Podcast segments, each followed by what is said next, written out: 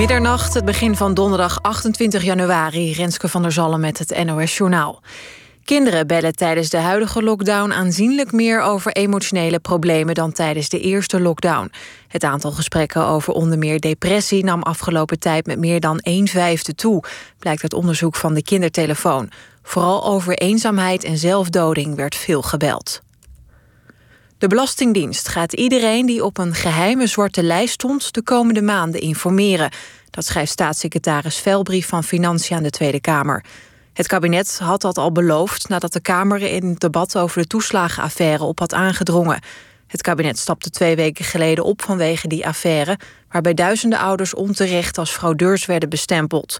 Hoeveel mensen geïnformeerd worden, kan de Belastingdienst niet zeggen. Het gesprek tussen vaccinproducent AstraZeneca en de Europese Unie is constructief verlopen. Dat twittert Eurocommissaris Kyriakides.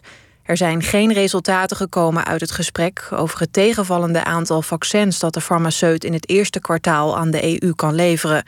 De EU vermoedt dat de farmaceut vaccins die voor de EU waren naar Groot-Brittannië heeft gestuurd om de tekorten daar op te vangen. In Rotterdam is een brand geweest in een gebouw op het terrein van pretpark Plaswijk Park. Het theatergebouw moet volgens de brandweer als verloren worden beschouwd. De brandweer heeft sterke aanwijzingen dat de brand is aangestoken. En in de eredivisie is Feyenoord hard onderuit gegaan bij Herenveen. De Friese wonnen met 3-0. Eerder op de avond won Utrecht verrassend met 1-0 bij AZ. Fortuna pakte drie punten in Waalwijk door RKC met 1-2 te verslaan. VVV verraste thuis Vitesse met 4-1. Alle doelpunten van de Venlonaren werden gemaakt door Giacomakis. Het weer. Vannacht gaat het regenen en ook morgen veel regen. In het noordoosten ook natte sneeuw. Vannacht liggen de temperaturen rond het vriespunt. Morgen wordt het van 2 graden in Groningen tot 11 graden in Zeeland. Dit was het NOS Journaal. NPO Radio 1. VPRO. Meer slapen.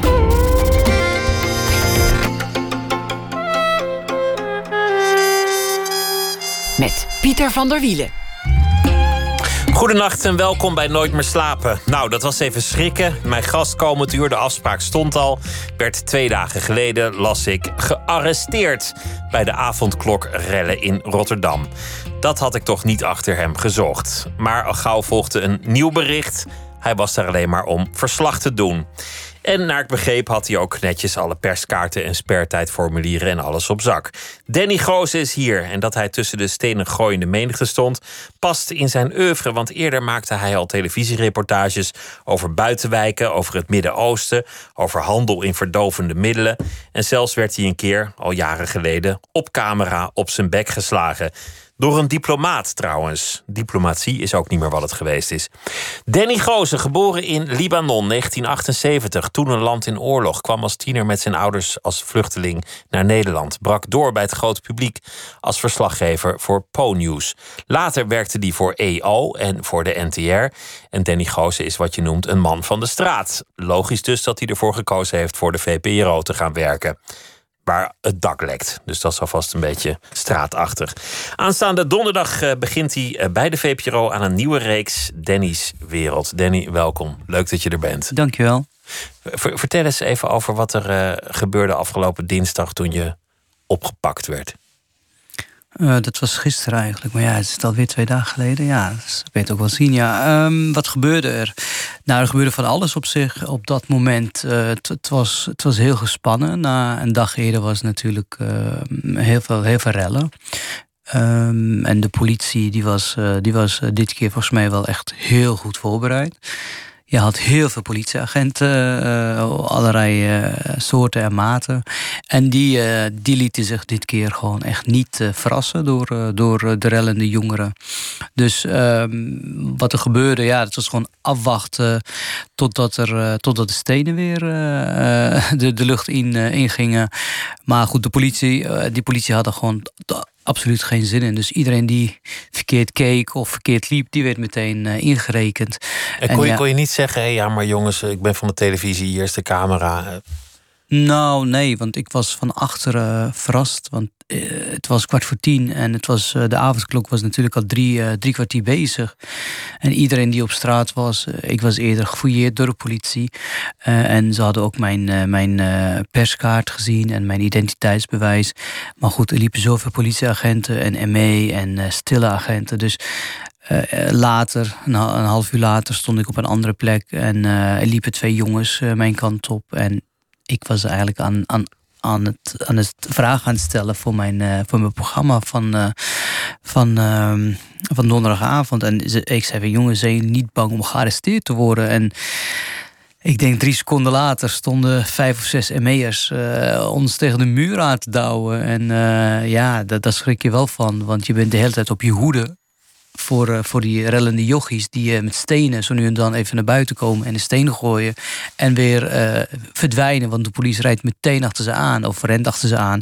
Dus je bent de hele tijd op je hoede en dan ineens duiken een paar van die grote kerels en een, volgens mij één of twee mevrouwen waren ook bij betrokken. En ja, dat schrik je wel echt, schrik je wel heel erg. Hoe lang duurde het voor ze je geloofden en vrijlieten? Nou, ik denk toch wel een minuut of tien. Uh, want ik mocht niet mijn perskaart uit mijn zak halen. Ik moest uh, met mijn handen in de lucht uh, tegen de muur aan, uh, aan staan. en ik denk, nou, ik doe het, want ik had zo'n schild in, mijn rug en in mijn nek. dus ik denk, ja, ik wil geen knuppel. Ik heb wel eens een knuppel tegen mijn been aangehaald van de politie. En ik even vertellen, dat is echt geen pretje. En ik denk, ik ga gekke dingen doen. Om, om, om, want ja, ze, ze sloegen echt, ze slaan gewoon. Nu op dit moment slaan ze iedereen die, die een beweging maakt. Dus ik denk, ik, ik gun ze dan niet. Dus ik bleef gewoon stilstaan en, en de hele tijd wel vertellen van joh, ik werk voor de televisie, mijn, mijn, mijn, mijn kaart zit in mijn zak. Uh, dus uh, ja, ze moesten even de andere twee jongens, uh, want ja, die zeiden niet dat ze journalisten waren. Ze zeiden alleen dat ze buiten, ik weet niet wat ze aan het doen waren, ik weet het even niet meer. Dus ik heb gewoon rustig gewacht totdat iemand mij herkende. En die zei van, oei, dat is, ja, dat is wel Danny van de televisie. Dus toen kwam de hulpofficier van justitie en die zei van excuses, we hebben een foutje gemaakt. Maar je bent wel aangehouden. Dus uh, ja, je mag mee naar het bureau of uh, we kunnen doen of dit eigenlijk nooit gebeurd was. Dus ik zei nou, dat, zullen we dat laatste maar doen, want ik heb geen zin om naar het bureau te gaan. Want je was aan het werk. Je, je was mee met een persfotograaf om zijn werk te laten zien, wat, wat zo'n jongen doet en hoe dat eruit ziet. Maar je hebt dus midden tussen die rellen gestaan, die, die, uh, nou ja, waar, waar het hele land het al over heeft, zo'n beetje. Je hebt best veel gezien in je leven. Ja. Vond je dit heftig? Ja, omdat het ook onvoorspelbaar is. Ik bedoel, even mensen zeggen, ja, wat is het heftigste wat je ooit hebt meegemaakt? Ja, dat vind ik altijd lastig te beantwoorden. Want toen ik in Syrië aan het werk was, had ik ook twee veiligheidsagenten bij me die bewapend waren, die heel intimiderend overkwamen, die je continu in de gaten hielden. Als je naar de wc ging, zat bewijs van even over het uh, wc-pot te kijken of je echt aan het plassen was of niet. Of dat je stiekem uh, ik weet niet wat aan het doen was. Dat vond ik eng. In Napels vond ik het ook eng om in de maffiawijk te lopen. Of in een maffiaflat waar heel veel... Ik, ik overdrijf niet als ik zeg duizenden heroïne en cracknaalden op de grond lagen in een kelder. Uh, daar moesten we ook opnames maken. Ja, dat is ook eng. Uh, maar gisteren was het ook eng, want eh, je weet niet wat er gaat gebeuren. Je ziet heel veel jongeren die daar aan het rondlopen zijn in groepjes, alleen. Uh, ineens staat er een grote groep daar en denk je, oh jee, eh, wat gaat er nu gebeuren? Op Telegram ging mijn naam ook al uh, rond, rondslingen van Dennis in deze stad. Nou ja, ik zal even niet zeggen wat, wat, wat voor reacties daarop op kwamen. Het waren in ieder geval niet van: hé, hey, wat leuk, we gaan hem even te woord staan. Maar het was iets heel anders. Want de pers is ook een duidelijk doelwit. Ja, ja zeker, zeker. En dan wil de politie dat je met een perskaart, met een zichtbare perskaart gaat rondlopen. Ja, weet je, dat is ook niet echt verstandig. Zeker als je weet wat, wat, wat ik in de afgelopen jaren allemaal mee heb gemaakt als journalist. En wat allerlei andere journalisten op dit moment meemaken. Dat ze gewoon niet eens meer durven om met een plopkap rond te lopen. Of dat ze de NOS-logos moeten verwijderen omdat ze anders worden lastiggevallen. Zelfs iemand die in, de, in, de, in een regiekamertje zit in zo'n, uh, hoe heet dat, in zo'n satelliet. Zo'n zendwagen. Ja, die wordt lastiggevallen. Dat is niet eens een journalist. Dat is iemand die gewoon even daar zit om te schakelen. Om de knopje te drukken dat ze live zijn. Of die worden ook lastig gevallen. De, de laatste weken krijgen NOS-verslaggevers beveiligers mee. Ja. Als ze, als ze op pad gaan. Ik hoorde gisteren dat er iemand van de NOS uh, in Rotterdam was... en dat die vijf of zes beveiligers bij zich had. Dat vind ik wel nogal... Uh, Veel. En toch, toch ga jij met die mensen in gesprek. Want dat zei je net, dat je, dat je die, die jongens dan vragen gaat stellen. Ja. Hoe kan dat? Ja, kijk, ik zei ook tegen mijn collega's, ik zei, joh, wij zijn geen NOS, we zijn geen RTL 4. Wat ik maak, ja, dat maken niet heel veel mensen. En heel veel jongeren vind, vind, vinden wat ik maak ook best tof. En ik krijg ook allerlei soort groepen voor de camera. Ik level goed met ze. En ik, ik moet zeggen, ik durf wel naar ze toe te stappen. En die zeggen, hey jongens, waar zijn jullie mee bezig? En waarom doen jullie dat? En sommigen willen echt niet praten. Maar heel veel willen wel echt wel wat vertellen uh, voor mijn camera in ieder geval, waarom ze doen en uh, ja, wat, wat daar zo leuk aan is. Want sommigen vinden het echt wel leuk. Wat ze hebben het echt naar hun zin als ze, als ze daar de stad aan het slopen zijn. Ja, ja, ja, ja dat, is, dat is echt zo. Ja. Die vinden het gewoon leuk. En die schamen zich niet om dat, uh, dat te vertellen. En, en sommigen menen het echt oprecht aan. Dat ze zeggen van ja, het, het, het, wij, wij, hebben, wij zitten al heel lang thuis. Wij, wij doen niks wij vinden het niet leuk thuis. Wij, uh, wij, wij kunnen niet meer uitgaan. We kunnen niet meer naar school. Uh, sommigen hadden misschien een baantje, maar ook niet meer. Ja, dan slaat verveling toe op een gegeven moment. Als je, als je niks meer mag en je moet om negen uur thuis zijn, ja, dan uh, word je gewoon onrustig van. Ja, dat, dat, dat is iets wat, ja, wat, wat bij sommigen speelt. Dit zijn natuurlijk jongens ook volgens mij een leeftijd dat de hormonen flink rondgieren en niet echt een leeftijd dat je iemand makkelijk thuis houdt. Nee, maar dat, dat, dat zal zo wel zijn. Ik bedoel, toen ik uh, rond die leeftijd was, uh, ja, wil ik ook graag naar buiten. Uh, en als iets niet mag, dan wil je dat juist gaan doen. Ehm, maar goed, een stad slopen of, of winkels plunderen. Want het, gaat, het ging er echt, echt hard aan toe. En, en niet alleen in Rotterdam, maar op alle plekken waar gereld werd, gingen ze echt helemaal los. Dat klopt, dat klopt. Um, ja, je kunt je afvragen uh, of dat niet uh, copycat gedrag is. Want ik weet, uh, als ik een item maakte over jongeren met messen kreeg ik na de uitzending of een dag later, als de jongeren dat gezien hadden, allemaal berichten in mijn, e in mijn uh, Instagram of mijn e-mail mailden sommigen ook nog van: hey, uh, die jongens die je in je uitzending hebt, dat zijn echt stelletje poesies. Je moet uh, bij ons komen, want dan ga je echte wapens zien. Dus wat je nu ook ziet, is dat sommigen denken: oh, in Eindhoven doen ze het zo. Maar wacht even, maar wij zijn. Dan kunnen wij niet achterblijven. Nee, of wij, wij kunnen het beter doen. Ja, dat, dat, dat gebeurt. Dat sommigen zich willen, de ander willen overtreffen. Want als je die Telegram-berichten leest, ja, weet het, het is echt. Het is aan de ene kant soms echt heel grappig. Aan de andere kant heel droevig dat dit soort mensen eh, zulke gekke gedachten hebben. Heeft, heeft de regering dat eigenlijk niet een beetje over het hoofd gezien? Want eh, ja, dit hebben ze volgens mij niet voorspeld. Ik heb de indruk dat tot nu toe de avondklok meer problemen heeft veroorzaakt dan verholpen. Ja, ja, nou goed. Uh, ik, ja, ik, kijk, al die demonstraties lopen al een hele tijd. Hè? Dat we het niet vergeten. Uh, al heel lang worden gedemonstreerd tegen uh, de coronamaatregelen. Uh, al was het van mensen. Kijk, dit soort jongens hebben echt niks met demonstraties. Die, die, die demonstreren. Je moet het niet, niet inhoudelijk maken. ook niet, maar die, die zijn gewoon lekker. Die willen gewoon rellen. Dat, dat is het. Maar je hebt al, ik, ik, seizoen 1 en 2 van Danny op straat, wat ik gemaakt heb uh, vorig jaar. Ja, daar, daar heb ik heel veel mensen aan het woord gelaten die echt aan het demonstreren zijn. Die, daar hoeven wij niet met ze eens te zijn, maar die zich zorgen maken. Bijvoorbeeld over de, de komst van de 5G-masten uh, in Nederland. Die zeggen, ja, wacht even, het is allemaal wel een toeval. Hè? De 5G komt eraan, je hebt er nu ineens een corona en je hebt een vaccin straks. Er zijn allemaal mensen die, die echt in een soort van complot denken. Dus je hebt de complot, complotdenkers. Je hebt mensen die, die altijd wil demonstreren. Die zeggen van uh, ja, ik heb, uh, ik heb borden thuis liggen. Met, uh, de ene keer is het tegen, weet ik veel, de 5G. De andere keer is het tegen save, save, the Children, dus tegen kindermisbruik. Dus je hebt verschillende groepen die, die. En die zijn al maanden aan het demonstreren. En, en zo nu en dan was er een opstootje, maar natuurlijk nooit zo erg. En ja, als je een lockdown gaat aankondigen, ja, dan, dan draai je de duimschroeven nog meer aan. Waardoor zij zoiets hebben van ja, zie je wel, we gaan wel richting een dictatuur in het land. En die hebben het eerlijk gezegd min of meer, uh, als je het zo bekijkt, toch wel een beetje in gang gezet al die maanden. En andere mensen hebben het overgenomen door te denken van nou, dat, dat is wel lekker, dan gaan we ik eventjes uh, meedoen. En, uh, ja, en dan loopt het wel uit de hand. En dan op een zeker ogenblik dit. Die haat naar, naar journalisten. Dat, dat heb jij waarschijnlijk in de loop der jaren zien toenemen. Ja, kijk, ik werkte natuurlijk bij Poont. En uh, toen wij werden belaagd, toen hoorde je niemand zeggen van... hé hey jongens, dit moet kappen.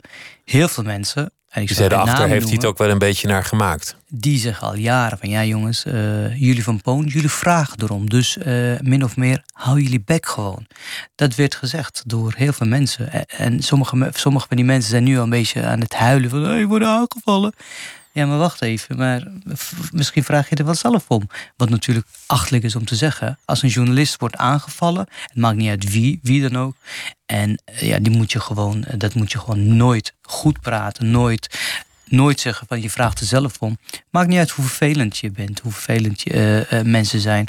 Je hebt niet het recht om ze, om ze een tik te geven.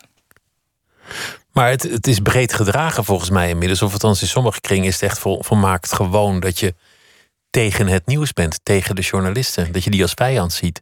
Ja, maar ja, dat hebben we natuurlijk aan onze grote vriend uh, Trump te danken. Vier jaar geleden begon hij al eh, met uh, fake news, fake news, fake news. En in Nederland heb je ook mensen die dat soort. en als je dat vaak genoeg herhaalt, dan gaat het die kant op. Ja, maar ja, ik, ik ben bij zoveel demonstraties geweest bij die mensen, dus die om aandacht, die om aandacht schreeuwen. Die wil je aandacht geven. En dan word je door sommigen, want niet door iedereen, kan natuurlijk niet iedereen over één kamp scheren, maar door, word je door heel veel mensen uitgemaakt van fake news. Het begint met NOS fake news, NOS fake news. En dan zeg ik mevrouw, mevrouw, ik ben niet van de NOS. En dan staan ze even zo van, je bent wel van de NPO, toch? Uh, nou ja, ik werk bij de NPO. En dan begint ze, NPO, fake news. Ja, het, het, is, het is een soort van, soort van voor, voor sommigen is het gewoon leuk geworden. Maar jij gaat altijd het gesprek aan. Jij gaat altijd naar voren. Je gaat er altijd op af. Ja, tot, tot op een gegeven moment zeg ik van joh. En nu oprot, ja, ik ben er helemaal klaar mee. Als mensen de hele tijd gewoon je negeert ze. De hele tijd de hele tijd achter je aan zitten. En zeker nu in deze coronatijd. En in je gezicht dit willen roepen. En dat doen ze expres. Omdat ze dan zien dat je een mondkapje hebt. Waar ze zelf niet in geloven. Zeg ja, het mondkapje helpt niet. Uh, dus uh, ja, dat is gewoon vervelend. Dat is gewoon niet leuk. Uh, ik ben bedreigd heel vaak natuurlijk. de afgelopen, even kijken, afgelopen september, nee, november was dat volgens mij hadden we een afspraak uh, met iemand. Of ja, ik, kan gewoon, ik ga het gewoon zeggen hoor. Met, met die uh, Danny V. Dat is dus die, uh, die jongen die omzicht heeft bedreigd. Ja. Daar hadden we gewoon mee contact gehad. En hij zou ook demonstreren in Den Bosch. En wij mochten hem gewoon spreken. Dus we hadden gewoon een afspraak met hem. En tijdens die demonstratie liep hij een beetje moeilijk te doen. En ik denk, ja, wat is met die gast aan de hand? Dus ik bel hem op. En hij nam niet op, hij nam niet op. Hij drukte de hele tijd weg, totdat ik hem zag. Dus ik naar hem toe en eh, hij liep gewoon weer weg. En op een gegeven moment ren ik achter hem aan en ik pak hem en zeg... hey gast, wat wil je nou? Wil je nou meewerken of niet? Want jij had gewoon tegen mijn collega gezegd... ik wil daar niet te woord staan tijdens de demonstratie. Maar wat bleek later is dat hij en een paar van zijn vriendjes mij in de val wilden lokken. En ze wilden me iets aandoen. Dat zei iemand anders. Nou, je hebt geluk Danny dat je, dat je, dat je, dat je goed bent weggekomen. Hoezo? Ja, uh, Danny en nog een paar anderen wilden jou wat aandoen. Ja, dat, dan denk je van ja, dit, dit, is, dit is gewoon echt niet leuk. En ik ken de hele jongen niet. Ik heb hem nog nooit wat misdaan. Uh, ik heb hem nog nooit geïnterviewd. Wij, wij doen het juist heel netjes door hem van tevoren te contacten. En te zeggen van joh, mogen we jou spreken? En als je dat hoort. En daarna gaat hij mij nog een paar keer op de WhatsApp allerlei stomme dingen toesturen. En, en, en ja, gekke dingen maar waarom wilde, waarom wilde je hem eigenlijk zo graag spreken? En, en waarom wil je eigenlijk op de plek zijn waar het gebeurt? En waarom ben je eigenlijk geïnteresseerd in allerlei marginale groeperingen? Nou ja, ik ben wel benieuwd wie de jongen is. Want hij haalt continu het nieuws. Al was het met het bedreigen van, uh, van, van omzicht. Of tenminste lastigvallen van omzicht. Of waarom hij een pistool heeft op, zijn, op die foto waarin hij, die hij op Facebook post. Ja, wie is die jongen en wat wil hij? Ik bedoel, ja, hij schreeuwt om aandacht, zeg maar. Dat doet hij. Dat doet hij niet voor niks. En je wilt toch graag weten waarom zo iemand dat doet en wie hij is. En als iemand zegt van joh, ik wil met je meewerken, ja, dan ga ik vanuit dat hij dat wil. Wilt hij dat niet, dan ga ik hem echt niet opzoeken en zeg hé hey jongen, eh, ik wil toch wel even met jou praten. Maar journalistieke interesse is het voor jou? Zeker. Er, er lijkt in de loop der jaren een, een soort diepere ideologie in jouw werk geschoven te zijn. Of misschien projecteer ik er dingen op.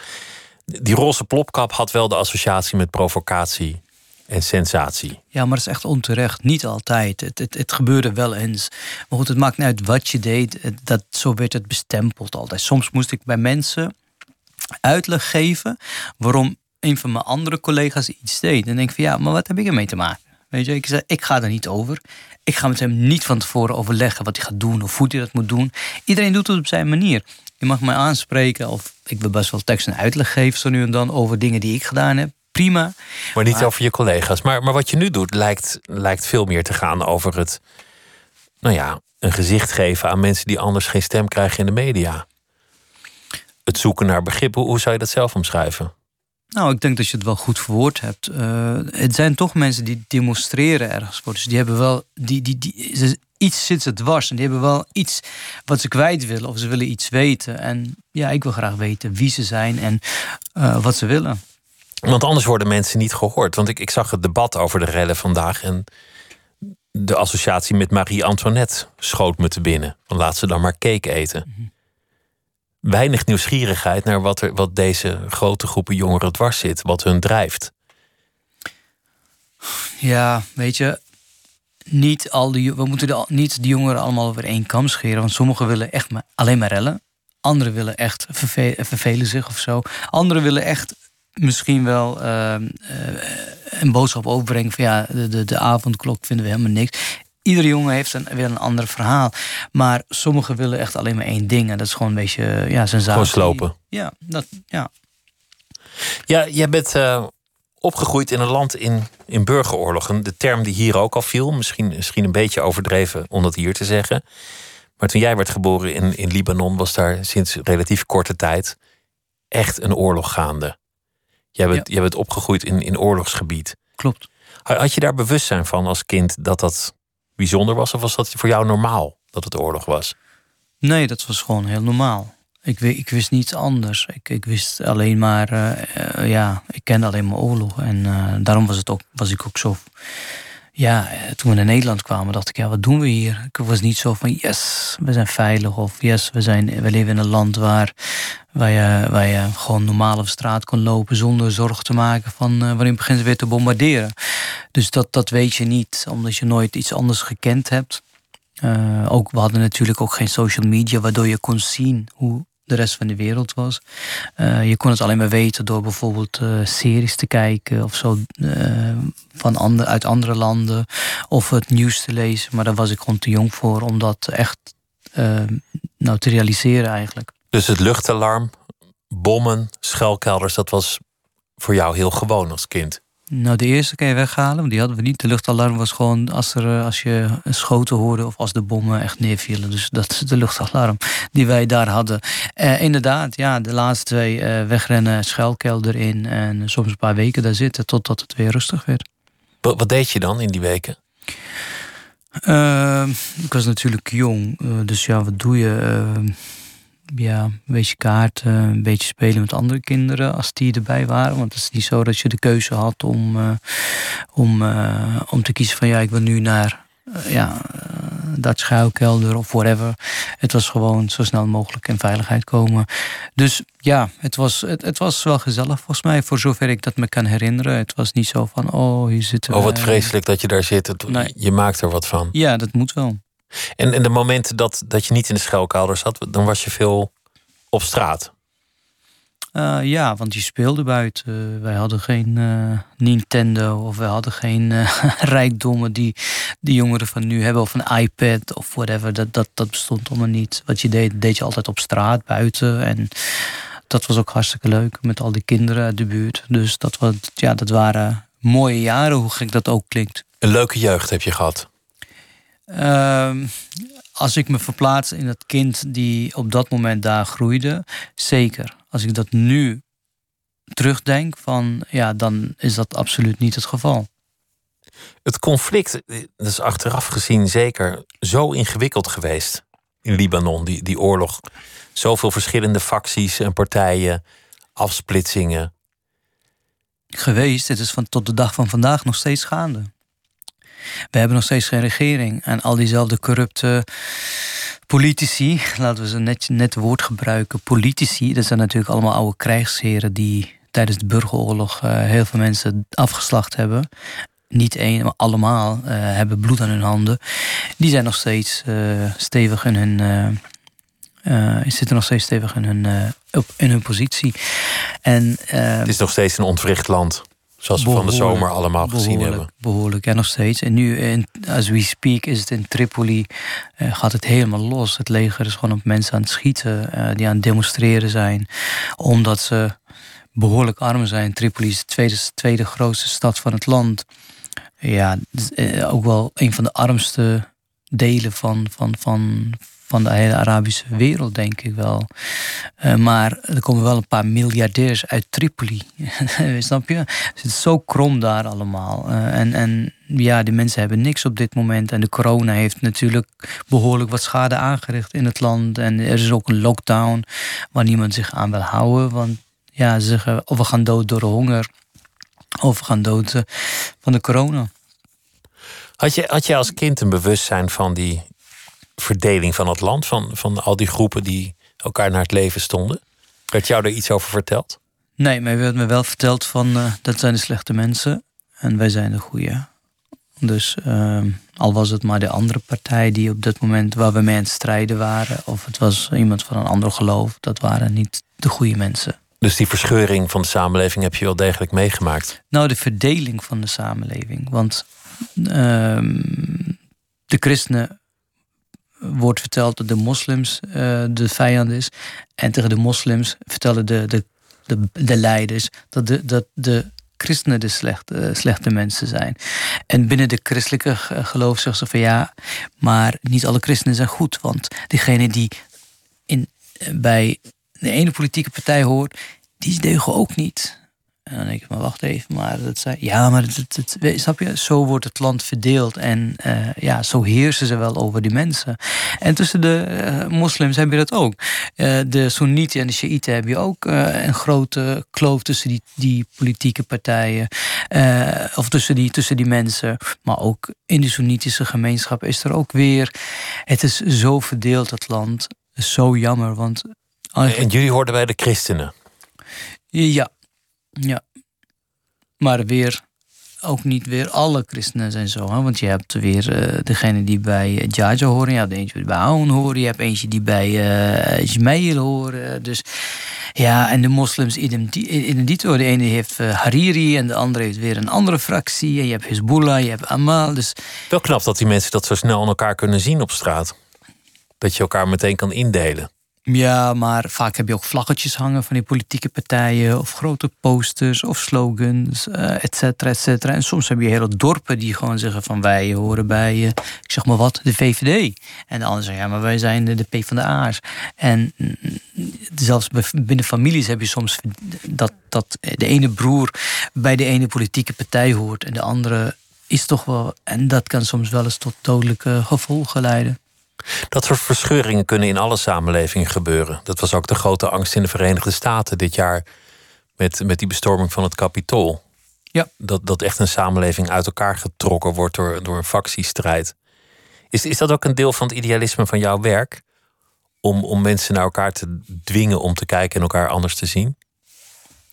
Ik weet, ja, dat, dat vind ik een lastige vraag. Ik denk wel door de dingen die ik heb meegemaakt en de dingen die ik gezien heb, dat je dat ja, aan niemand gunt. Want eh, als je naar Libanon kijkt, ik was in Irak bijvoorbeeld, en die mensen zeggen: ja, we krijgen zo'n systeem zoals jullie dat hebben in Libanon. Wij worden ook hier verdeeld. Ja, dat doet pijn als ze dat zeggen, want dan exporteert jouw land. Want ja, zo'n Hezbollah bijvoorbeeld, die zit ook in Irak. Die helpt daar, de, die, helpt daar die traint daar uh, bepaalde groeperingen om te kunnen vechten. En zij brengen natuurlijk een bepaalde, bepaalde uh, ideologie met zich mee, die, die in Libanon ook uh, wordt toegepast. Ja, dat, dat gun je eigenlijk nergens anders. Dus ik denk de dingen die ik heb meegemaakt, dat die wel degelijk een rol spelen in de manier waarop ik probeer te, te werken. Om mensen te bekijken en niet meteen je oordeel al klaar te hebben voor je ze gesproken hebt. Nou ja, ik denk ook niet dat dat je, je taak is als journalist. Uh, ik bedoel, de afgelopen jaren heb ik een bepaalde ontwikkeling meegemaakt. Uh, je leert heel veel van je werk als het goed is. En je probeert je daar uh, bewuster van te worden. En ook nog eens eh, beter te worden. En ehm, ja, dat niet oordelen, en, maar gewoon open een gesprek ingaan en open vragen stellen. Ja, dat, dat, dat werkt heel goed. En dat levert mij ook heel veel uh, credits op, ook bij bepaalde groepen. Dus zeggen, ja, maar niet, eh, sommige mensen oordelen ons op wie, ze, wie we zijn of waar we in geloven. En dat doe jij niet, dus we willen graag met jou praten. Ja, dat is natuurlijk een uh, mooi compliment. Je kwam, je kwam op je vijftiende naar Nederland toe met je, met je ouders. Klopt. Wat, wat waren je eerste indrukken daarvan? Want je, had, je zei dat je het eigenlijk best leuk vond in, in Libanon. En dat je daar best naar je perspectief van toen een fijne jeugd had. Ja. Hoe, hoe vond je het hier? Ja, ik vond het helemaal niks. Ik zei tegen mijn vader, wanneer gaan we terug naar Libanon eigenlijk? Een keer. Ik was zo doodongelukkig hier. En na een paar maanden zei ik, maar wat doen we hier? wanneer gaan we weer terug? Want ja, ehm, het leven was heel anders. Je was gewend aan dat, chaos en al dat... Uh, misschien wel onzekerheid en al die... Uh, ja, gekke tafereelen die je meemaakte als kind. En dat was ineens weg. We zaten ergens in Drenthe. Waar het hartstikke rustig was. Ja, dat is natuurlijk een contrast uh, wat je echt uh, niet, niet erger kan worden. En jullie hebben waarschijnlijk dan ook een paar jaar in een AZC gezeten, of in ieder geval een soort van opvanglocatie. Ja, klopt, klopt, ja, dat was toen ook in een AZC. En ja, dat is natuurlijk niet leuk, dat is niet makkelijk om daar te wonen. Um, dus je probeert wel het beste van te maken. En ja, na een tijdje dan begin je, begin je toch echt uh, je thuisland te missen. Of waar je, waar je, waar je, waar je opgegroeid bent. Uh, en ik zeg altijd van ja, vroeger hadden we geen mobiele telefoon. Dus we konden niet even met iemand appen daar. Of je kan niet zomaar even bellen van hé, hey, hoe gaat het? Of, of ik bedoel, de communicatie met Libanon is, is, was destijds natuurlijk onmogelijk. Dus het werd een soort droom, Libanon. Uh, ja, ja. Een Fata Morgana ergens. Ja, het was, het, was, het was heel ver weg. Echt, het was heel ver weg, ja. En ja, dat was natuurlijk wel steeds... hoe naarmate je in Nederland uh, was, hoe erger je dat dan mist. Dus het nam niet af, maar dus de, het gemis werd alleen maar meer en meer en meer naarmate je hier was. Wanneer is dat opgehouden, dat gemis? Uh, ik denk na de eerste keer dat ik terug was, ik denk dat ik na 14 of 15 jaar terug was in Libanon. Zo, zo lang heeft dat geduurd? Ja. ja.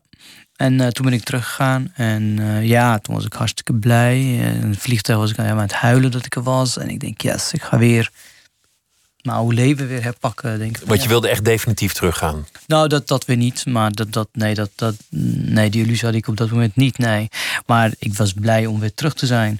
En ja, als je daar bent, dan ja, dan valt het toch allemaal tegen. Dan, dan, dan uh, ja, is het toch wel een, grote klap. Want alles was veranderd. Ik was veranderd. Uh, heel veel dingen wist ik gewoon niet meer. Omdat je toch wel, ik denk toch wel een bepaalde, na 14, 15 jaar in Nederland te zijn geweest. Dan toch iets van je leven proberen te maken hier. Uh, dat het toch wel uh, bepaalde impact heeft gehad. Mm, dat soms mensen naar me toe kwamen van... hey, hoe is het met je, dit en dat. Ik dacht, ja, sorry, maar ik heb geen idee, wie, wie, wie ben jij? En dat ze dan gingen uitleggen en dat ik denk, ja, het, het komt gewoon uh, niet uh, niet, niet meer terug. En dat ik na een week echt zo depressief was geworden daar. Dat ik, ik dacht dat dat mijn thuisland was. Ik denk, of tenminste dat, dat ik daar ooit weer terug zou gaan en mijn leven weer zou oppakken, et cetera. Leuk leven die ik had. Dus toen ben ik voor de tweede keer gevlucht uit Libanon. En denk ja, na een week was ik wel uh, klaar ermee. En toen kwam ik hier terug en ik denk, ja, ik voel me hier niet thuis. En dat is niet meer mijn huis wat dan? Nou, dan zat je weer een, eh, een lange weer een crisis van depressie en ellende en pijn. En ja, dus, dus dat heeft wel heel lang geduurd voordat ik eindelijk accepteerde. Ik denk van ja, hier moet ik toch wel mijn, uh, mijn, uh, ja, mijn nieuwe toekomst opbouwen. Nederland is je thuis dan nu? Ja, soort van. soort van. Ja. Je, je, je komt nog wel in Libanon. Je hebt er ook een serie over gemaakt. Ja. Waarmee je toch de blik van de buitenstaander had en met verbazing kon kijken naar dat land.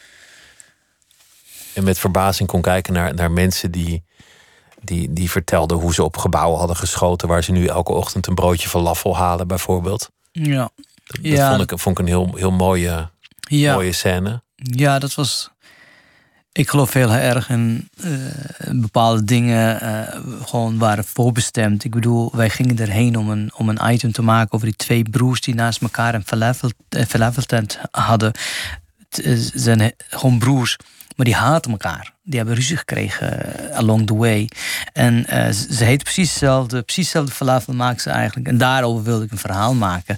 Totdat ik Fadi tegenkwam. Uh, die uit het niks vertelde dat ja, ik was hier als klein jochie. Uh, hij vertelde niet de hele waarheid op dat moment. Want hij wilde niet vertellen dat hij bij een militie hoorde. Of dat hij... Want, want later vroegden jullie terug om, om het alsnog echt te vertellen. Ja, ja, ja. Uh, ja dat, was, dat was heel mooi. En ik vind hem zo'n mooie man. En wel iemand ook met heel veel littekens. Uh, hij zei tegen mij, ja, dit, dit werkt voor mij als een soort van therapie om met jou daarover te praten. En dat het hem ook heel veel doet, de, de ellende die uh, we hebben meegemaakt. Want ieder Libanees heeft een ander soort ellende meegemaakt. Een andere soort pijn en verdriet in die loop der jaren opgebouwd. En die van hem kwam allemaal op dat moment. Want wij praten nooit echt over dingen die we hebben meegemaakt. Ik praat dat, ik spreek nooit met mijn moeder of mijn zusjes uh, daarover. Van weet je, toen, dat verstop je allemaal weg. Wij verstoppen heel veel dingen weg. En, en wij, dat zijn Libanese dan? Ja. Ja, ja. En ik denk dat hij precies hetzelfde heeft meegemaakt. Het zijn zulke pijnlijke momenten dat wij nooit daarover zullen praten. Maar ik denk dat heeft mensen zeggen, oh, wat kun je goed uh, met mensen praten en dit en dat. En ik zeg soms, ja, misschien ligt het niet aan mij, maar het ligt al aan het feit dat mensen met zoveel opgekropte um, emoties zitten en pijn en verdriet. Dat als ik daar kom, dat ja, de kraan open gaat, omdat die niet meer te stoppen valt. Want overal waar ik kom, mensen willen graag hun verhaal vertellen. Want thuis kunnen ze dat niet. Nee, bij ons in de Arabische cultuur, of nou, ik praat namens de Libanezen, dan is dat gewoon heel moeilijk om over bepaalde dingen te praten. We verzwijgen het gewoon we praten er niet over. Je, je, hebt, je hebt in je jeugd hier in Nederland best wel veel tijd gedwongen moeten verspillen, eigenlijk. Ja. Want, want in, een, in een AZC krijg je uiteraard wel onderwijs, maar ja, je staat toch een beetje in een soort pauzestand, vermoed ik. Ja, ik heb uh, een paar jaar eigenlijk niks gedaan. Op zo'n AZC moet je Nederlands leren, maar ik was toen heel erg uh, aan het zoeken van wat wil ik en uh, ik wil hier niet zijn. En uh, een beetje lastige jongen was ik. Dus ik heb eigenlijk weinig gedaan, een paar jaar lang. Dus dat was wel jammer. Tot mijn achttiende of zo. Toen ben ik op zo'n LTS gegaan. En LTS, dus technische school. En ja, toen ben, ik, toen ben ik pas echt een beetje Nederlands gaan leren. Ik sprak toen een paar woorden. Heel slecht, maar dat kan gebeuren. En ehm, toen ben ik wel uh, stappen gaan zetten. Want ik denk, ja, ik moet het toch. Want ik spreek Engels. En vaak had ik ook zoiets van, ja, ik praat Engels. Waarom zou ik in godsnaam Nederlands leren? Daar red je wel mee. Ja. En uh, ja, dus, dus op mijn achttiende begon het een beetje te rollen. En na twee jaar had ik een diploma. Het was echt een heel laag diploma. Volgens mij uh, ik weet niet eens wat voor niveau het was. Toen ben ik naar Amsterdam gegaan, naar de school voor meubelmaken. Maar Amsterdam was toch te verleidelijk om naar school te gaan. Dus ik ging gewoon lekker de stad in. Uh, en toch ook weer drie jaar van mijn leven weggegooid. En toen dacht ik, ja, zo kan het echt niet langer.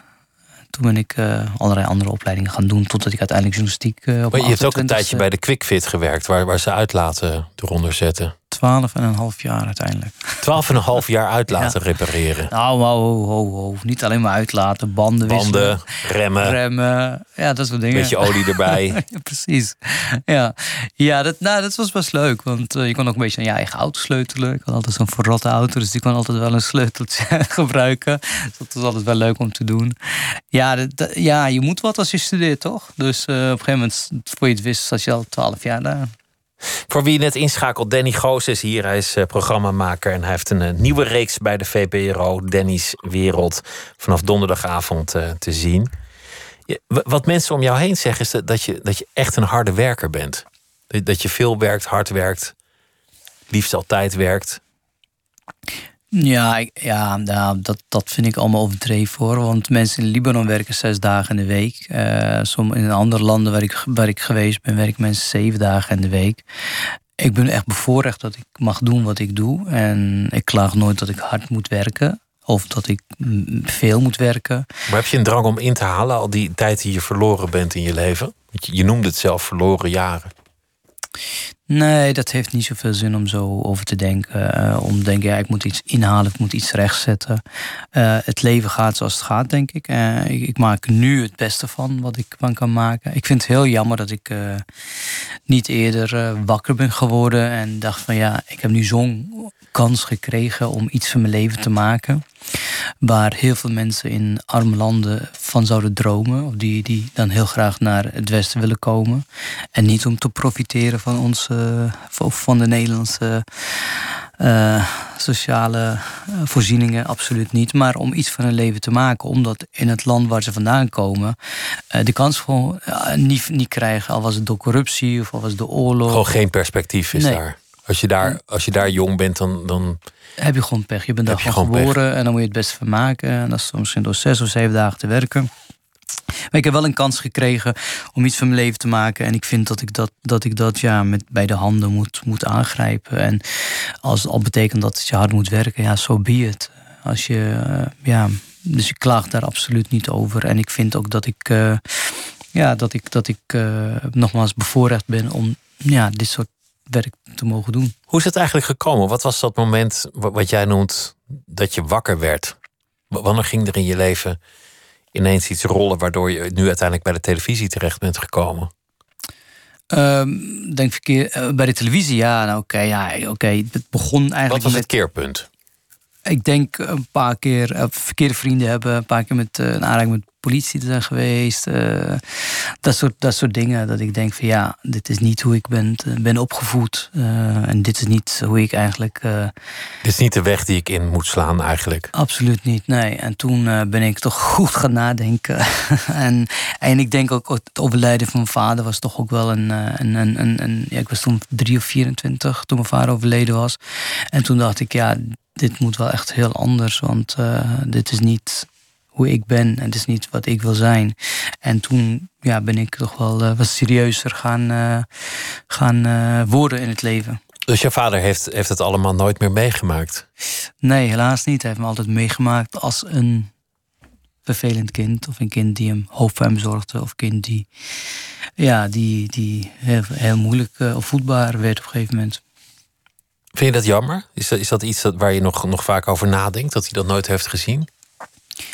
Ja, natuurlijk. Want dat is wel iets wat je, wat je toch wel graag had willen, willen laten zien. Van, joh, ik, eh, het spijt me voor al die dingen die ik eh, heb gedaan. En eh, de stomme dingen die ik gedaan heb. En dat ik, uh, ja, dat ik toch nog iets in me heb.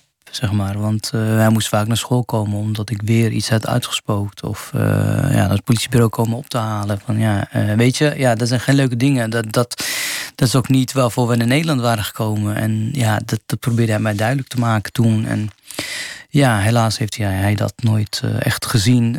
Wat voor successen ik, ik gedaan heb. Of wat ik nu aan het doen ben. Want dat had, dat had ik zelf nooit kunnen bedenken dat ik dat zou kunnen. Of dat ik dat ooit zou, zou doen. Dat is jammer. Hij had het wel leuk gevonden om te zien hoe je, hoe je er nu aan toe bent. Ik denk het wel, ja, ja zeker. Hoe, hoe ben je daar eigenlijk terecht gekomen? Wat, wat is eigenlijk de weg geweest die je uiteindelijk bij de tv bracht?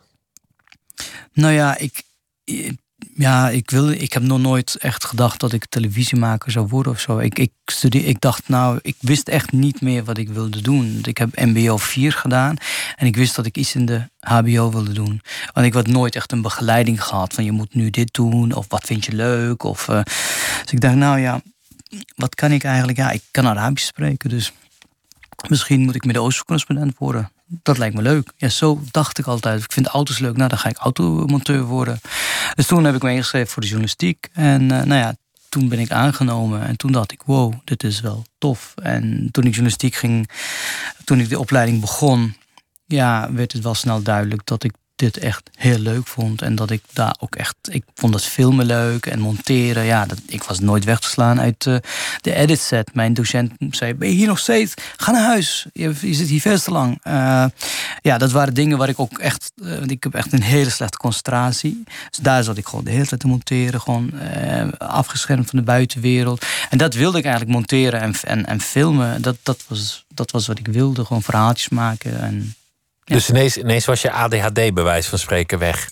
Toen je uh, deed ja, wat je leuk ja, vond. Ja, precies. Ja, dat ja. En, ja. en eindelijk iets wat ik ook echt goed kon. Ik denk, nou, dat is, dit is wel tof. En uh, ja, zo ben ik eigenlijk uh, bij MTNL gekomen. Daar heb ik stage gelopen. Daar wilden ze mij uh, ja, houden. En daarna kwam Poont. En ja, dat ging wel heel snel toen. Zo is het gegaan. Je, vindt, je vindt de straat het leukst, heb ik de indruk. Ja, zeker. Een beetje ingewikkelde verhalen, moeilijke mensen, moeilijke verhalen. Ja, dat, dat is wel uitdagend. Ik wil wel een uitdaging hebben. Ik bedoel, toen ik bij Poont zat en ik moest iets doen bij een beurs. Dan dacht ik, ja, wat moet ik bij een beurs, joh? Saai. Wat boeit me dat nou? Ja. ja. Ik zei, dat wil ik helemaal niet. Ik wil gewoon iets, iets ja, leuk of spannends doen. Ergens dus, waar de actie is. Ja, een beetje wel. Ja, nee, dat is hartstikke leuk. Het, het moment dat iedereen zich herinnert was dat je ineens door een diplomaat geslagen werd omdat je een item deed over dubbel parkeren, niet aan de regels houden bij, ik geloof, de Russische ambassade in Den Haag. waar, waar een diplomaat, of ik weet niet of het, het zal niet de ambassadeur zijn geweest. Jawel, de, de, ambassadeur, de Angolese ambassadeur heeft me ook een klap in mijn gezicht eh, gegeven. Dat was de eerste. Nou, hij gaf de inleiding om. Uh, ja, dat, dat, was, dat, dat is wel jammer dat dat gebeurd was. Want dat was gewoon geen leuk moment. Dat je het nieuws werd en dat je gewoon overal in het nieuws. Uh, genoemd werd. Uh, leuk als dat voor iets anders was, maar niet als je, dat je een bloedlip hebt gehad en dat je dan half los had door uh, toedoen van uh, de Angolese ambassade. Het maakt wel duidelijk dat die mensen misbruik maken van een diplomatieke status om zich boven elke wet maar verheven te voelen. Ja, maar dat had ik eerder ook aangetoond. Door, door rood rijden, geen boetes betalen, dubbel parkeren, op de stoep parkeren, op de gehandicapte plek parkeren. Nou, zo kan ik nog wel doorgaan. Ze hebben toen een speciale appgroep aangemaakt. Dat elke keer dat, ik, dat als iemand me zag in, uh, in Den Haag, dat ze meteen zeiden: Ja, hij is vandaag in Den Haag, parkeer goed of rij niet door rood. Hou je aan de regels? Ja, precies. Dat is het. Goed samengevat. Ja. De gemeente had je moeten inhuren, dan zou het er één grote ordentelijke bende zijn geworden. Nou ja, het grappige was dat de politie altijd zo met de duim omhoog was. Die waren hartstikke blij, want ja, de politie staat ook machteloos tegenover dit soort uh, nou ja, boefjes. Die, die willen zijn weten ze regels overtreden en weten dat ze gewoon mee wegkomen ook nog. Je, je, je hebt inmiddels met heel veel best wel radicale groepen opgetrokken. Wat ik altijd grappig vind, want jij zegt net... mensen zien jou altijd graag komen omdat dat ze weten dat je anders bent... dat je luistert of geïnteresseerd bent. Mensen weten jou ook nooit te plaatsen. Dat, dat lijkt wel een soort rode draad in jouw leven. Dat het altijd eerst even moet gaan van... Ja, wie is Danny Goos eigenlijk? Waar hoor jij bij? Wat ben je eigenlijk? Nou ja, nergens bij, denk ik. Ik heb nooit de behoefte gehad om ergens bij te horen. Dus dat is wel goed, toch? Dat is maar, mooi. maar mensen vragen vaak van... Goh, ben, je Marokkaan? Ben je moslim? Ben je, ben je dit? Ben je dat? Zoals iemand gisteren op Twitter zei... alle Turken lijken op elkaar. Want ik was gearresteerd gisteren met twee andere jongens. En hij zei alle Turken lijken op elkaar. Ik, ik moest erom lachen. Nee, ja, eh, ze beginnen vaak met... Uh, je bent Marokkaans of niet? Uh, nee. Oh, je bent een Turk? Nee. En, dan weet je nooit wat ik ben. Of, maar het maakt ook volgens mij niet zoveel uit hoe of wat iemand is. Dat, dat, in ieder geval, mij maakt het niet zoveel uit. Uh, soms krijg je vraag, ben je moslim? En denk ik, wat maakt het uit? Wat, wat ik ben? Ik bedoel, zolang je goed met elkaar omgaat en oké met elkaar bent, ja, dan moet dat niet zoveel uitmaken. Want wat iemand is of wat te geloven, ja, dat is in mijn land kapot gemaakt. Dat, dat, dat, dat, is iets wat je, wat je gewoon echt, uh, ja, waar ik gewoon een hekel aan heb. Uh, dat, dat mensen bepaalde hokjes worden gezet. En, maar dat is gevaarlijk uiteindelijk. Dat denk ik wel, ja. ja. Het klinkt alsof je het omarmd hebt. Want, want toen ik vroeg, is Nederland dan nu je, je thuis? Ja, ja, hm, soort van. En als mensen vragen van waar hoor je eigenlijk bij? Dan, dan haal je schouders op van wat maakt het eigenlijk uit? Ja. Dus je hebt, je hebt eigenlijk je status aparte om, omarmd.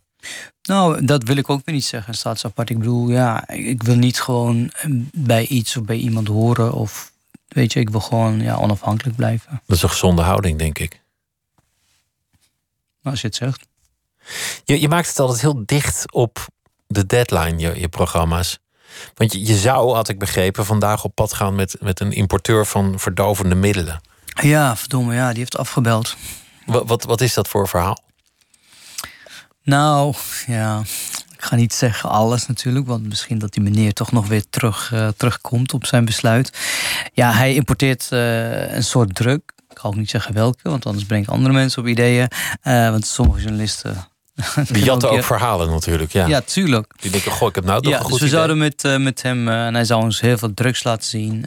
om te, nou ja, ik kan niet alles vertellen natuurlijk, maar we zouden met hem afspreken. Maar die heeft zich toch bedacht. Helaas, anders konden we vandaag een mooi verhaal draaien met hem. En hij wilde zijn kant van het verhaal vertellen over dat drugs die hij verkoopt.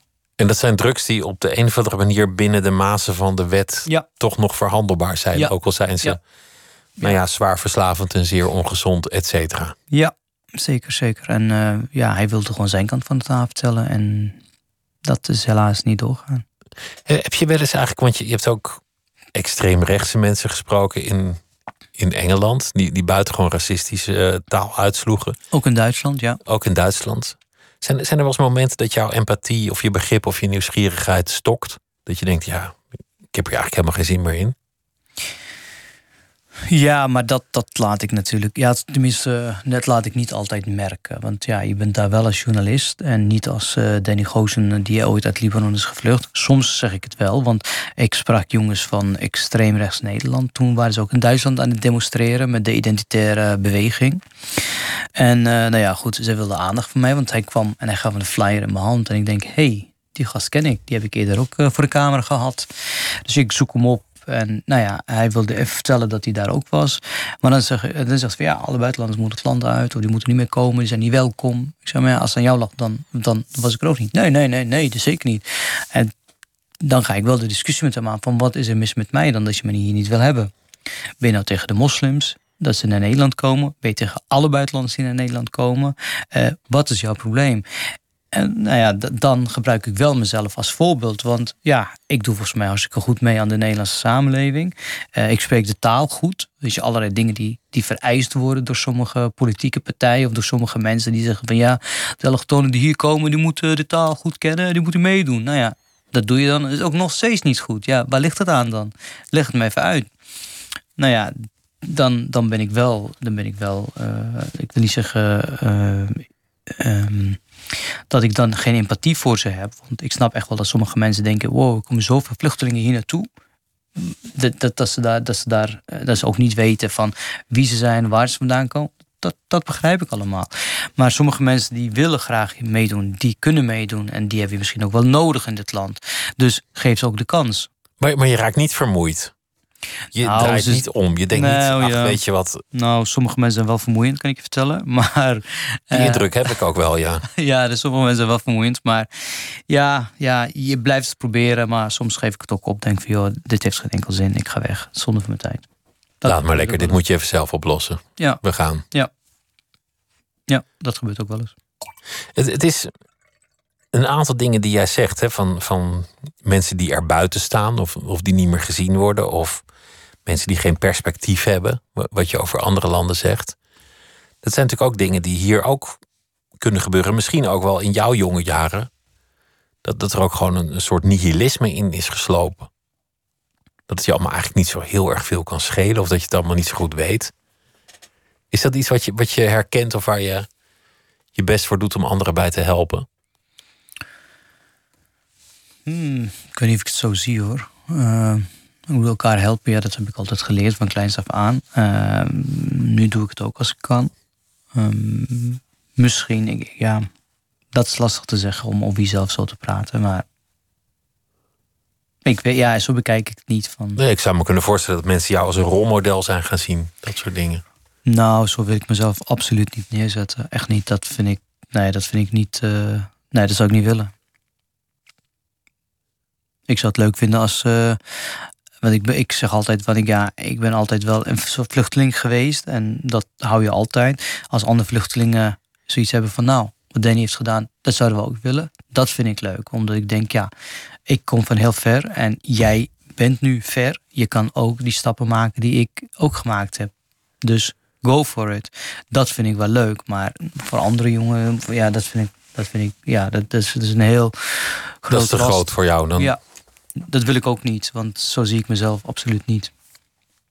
Toch, toch gewoon uiteindelijk werken, televisie maken, reportages maken, veel op pad gaan, verhalen zoeken, gelukkig worden van het, eh, van het monteren ervan. Zeker. De, nu is wel een moeilijk moment om, om zo'n serie te maken.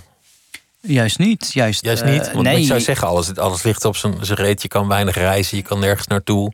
Nee, ja, maar Danny's Wereld, wat we nu gaan maken... Ja, dat speelt zich toch voornamelijk af in Nederland. Uh, hopelijk binnenkort wel over de grens, als die kans zich voordoet. Maar mm, het land is een roer, zeg maar. Er liggen zoveel, zoveel verhalen voor het oprapen, denk ik. Je moet ze alleen goed weten te vinden en uh, weten waar te zoeken. Hoe kijk jij daar tegenaan? Want, want het is inderdaad, de, politie zei het is hier in 40 jaar niet zo onrustig geweest. Als wat we de afgelopen dagen hebben gezien. Het is mogelijk dat dat de komende weken aan zal houden, misschien nog wel erger zal worden. En het, op, op heel veel manieren staat het land nu echt, echt onder druk. En de woorden worden ook groter. Mensen voelen zich in de steek gelaten door, door de overheid. Tegelijk kan ik me ook voorstellen dat jij met, met de achtergrond in het land dat jij ook nog kent, denkt van jongens, het valt allemaal mee. Hoe, hoe zie je dat? Ja, ik vind het altijd lastig om te vergelijken. Want natuurlijk uh, heb je gradaties natuurlijk van hoe zwaar het leven kan zijn. Wij zijn hier natuurlijk heel veel luxe gewend en heel veel, heel veel uh, ja, welvaart. Uh, terwijl in landen waar ik geweest ben, mensen niks hebben. Ik bedoel, Libanon en Beirut hebben een zware explosie gehad, waarvan de helft van de stad weg is. En de overheid heeft niks gedaan niks gedaan. Echt helemaal niks? Niks. Nee, echt niets. Niets. Ja, behalve de schulden uh, van zich afschuiven, dat is het enige. En gewoon doorgaan dat er niks is gebeurd. Gewoon niet eens de mensen geholpen die, die, die hun huis verlo uh, verloren hebben. Of uh, hier word je toch voor een groot deel geholpen door de overheid. En wat ik altijd merk is dat mensen hier altijd iets hebben van ja uh, ik wil meer en meer en meer. Dan denk ik van, joh, tel die zegeningen. En het is een moeilijke periode waar we nu met z'n allen doorheen moeten, moeten komen. Uh, zoals uh, zoals je nu ziet, al die uh, sommige winkels die geplunderd zijn, waarvan de eigenaren kapot zijn. Dat je heeft mensen hebt die zijn, nou, die zijn een crowdfunding begonnen. Ja, dat is hartstikke leuk en lief. En dat kan ook. Dus dat je elkaar gaat helpen. In plaats van de hele tijd denken van ja, uh, de regering dit, de regering dat. Ik bedoel, we hebben allemaal gelukkig. Uh, tuurlijk hebben mensen het moeilijk. Laten we dat niet vergeten. Als je een zaak hebt, of een café hebt, of een restaurant, of whatever. En je gaat bijna failliet, dan is dat verschrikkelijk voor die mensen. Maar sommige mensen, ja die vinden het leuk om te klagen en die klagen altijd. Dus laten we, laten we positief blijven, hoe moeilijk het ook is en hoe moeilijk het ook klinkt. En het beste van proberen te maken met z'n allen. Dat zullen we nodig hebben de komende periode, want het, het gaat allemaal toch nog wel eventjes sturen, vrees ik, uiteindelijk. Die hele COVID-toestand. ja, dat kan je wel zeggen, ja. ja. Wat, wat, wat voor verhalen ga je brengen in deze reeks? In, in Danny's wereld? Um, ik denk toch wel proberen om uh, maatschappelijke problematiek weer uh, um, nou ja, aan te kaarten. Uh, we zijn met van alles en nog wat bezig. ik ga niet alles zeggen wat, waar we mee bezig zijn. Want echt, geloof me, soms denk je van... hé, hey, dat idee hadden wij, maar die wordt dan ingepikt door iemand anders... of iemand anders gaat ermee vandoor. Dus ik ga dat nu niet zeggen. Maar iets met drugs komt eraan. Ehm, iets met uh, ex-criminelen, dat soort dingen. Ja, dat zijn wel toffe en interessante verhalen wat wij wel gaan maken. Gewoon elke keer toch een, een goed verhaal zoeken en zorgen dat je er bovenop zit. Want, want die aflevering van donderdag gaat dus over een persfotograaf die altijd op de brommer springt zodra er ergens iets te fotograferen valt. Hij sprong op de brommer toen hij vroeger, maar nu in de autootje, ja, scheurt hij gewoon door de stad. Of uh, als, als het moet, ik heb mijn scheermessen bij me, tandenborstel in de auto. Dus als ik moet, als er iets gebeurt in Frankrijk, dan scheur ik heen gewoon. Superleuke jongen, Joey. Dus, uh, ja, een echte ouderwetse nieuwsjager. Behoorlijk, ja, ja, ja, ja, ja. Ja, je ziet dat ik stond daar, ik werd aangehouden door de politie. Het wat hij doet is, hey Danny. Ik kijk en hij zat zo te klikken met de camera. Dus eh, ik zei tegen hem, goed gedaan, goed gedaan. Zo moet je het gewoon doen. En niet denken van, hé, hey, dat is Danny. Hij, eh, waarom wordt je aangehouden? Hij gaat gewoon door met zijn werk. Ja, dat is knap. En aanstaande donderdag zien we dit grote verhaal van deze week door uh, zijn ogen. En we horen jou in gesprek met de mensen over wie het al zo lang gaat maar die we zelf nog niet aan het woord hebben gehoord. De, de relschoppers in Danny's wereld. Dankjewel dat je langs wilde komen. Graag gedaan. Het was me genoegen. Danny Gozen was dat. En dit was uh, Nooit meer slapen voor deze nacht. En morgen komt Jessica Duurlacher op bezoek, want die heeft een nieuw boek. Een roman met als titel De Stem. En straks Miss Podcast en Laurens ten Dam is daar uh, te gast bij Misha Blok. Dank voor het luisteren. Een uh, goede nacht en graag weer tot morgen.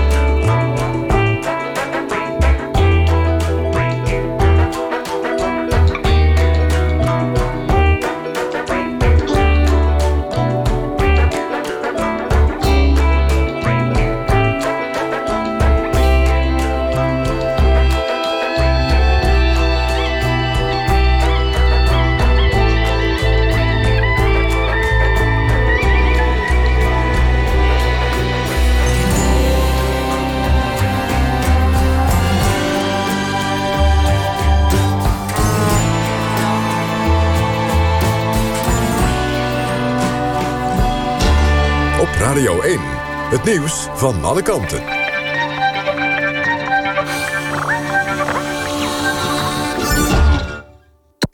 NPO Radio 1.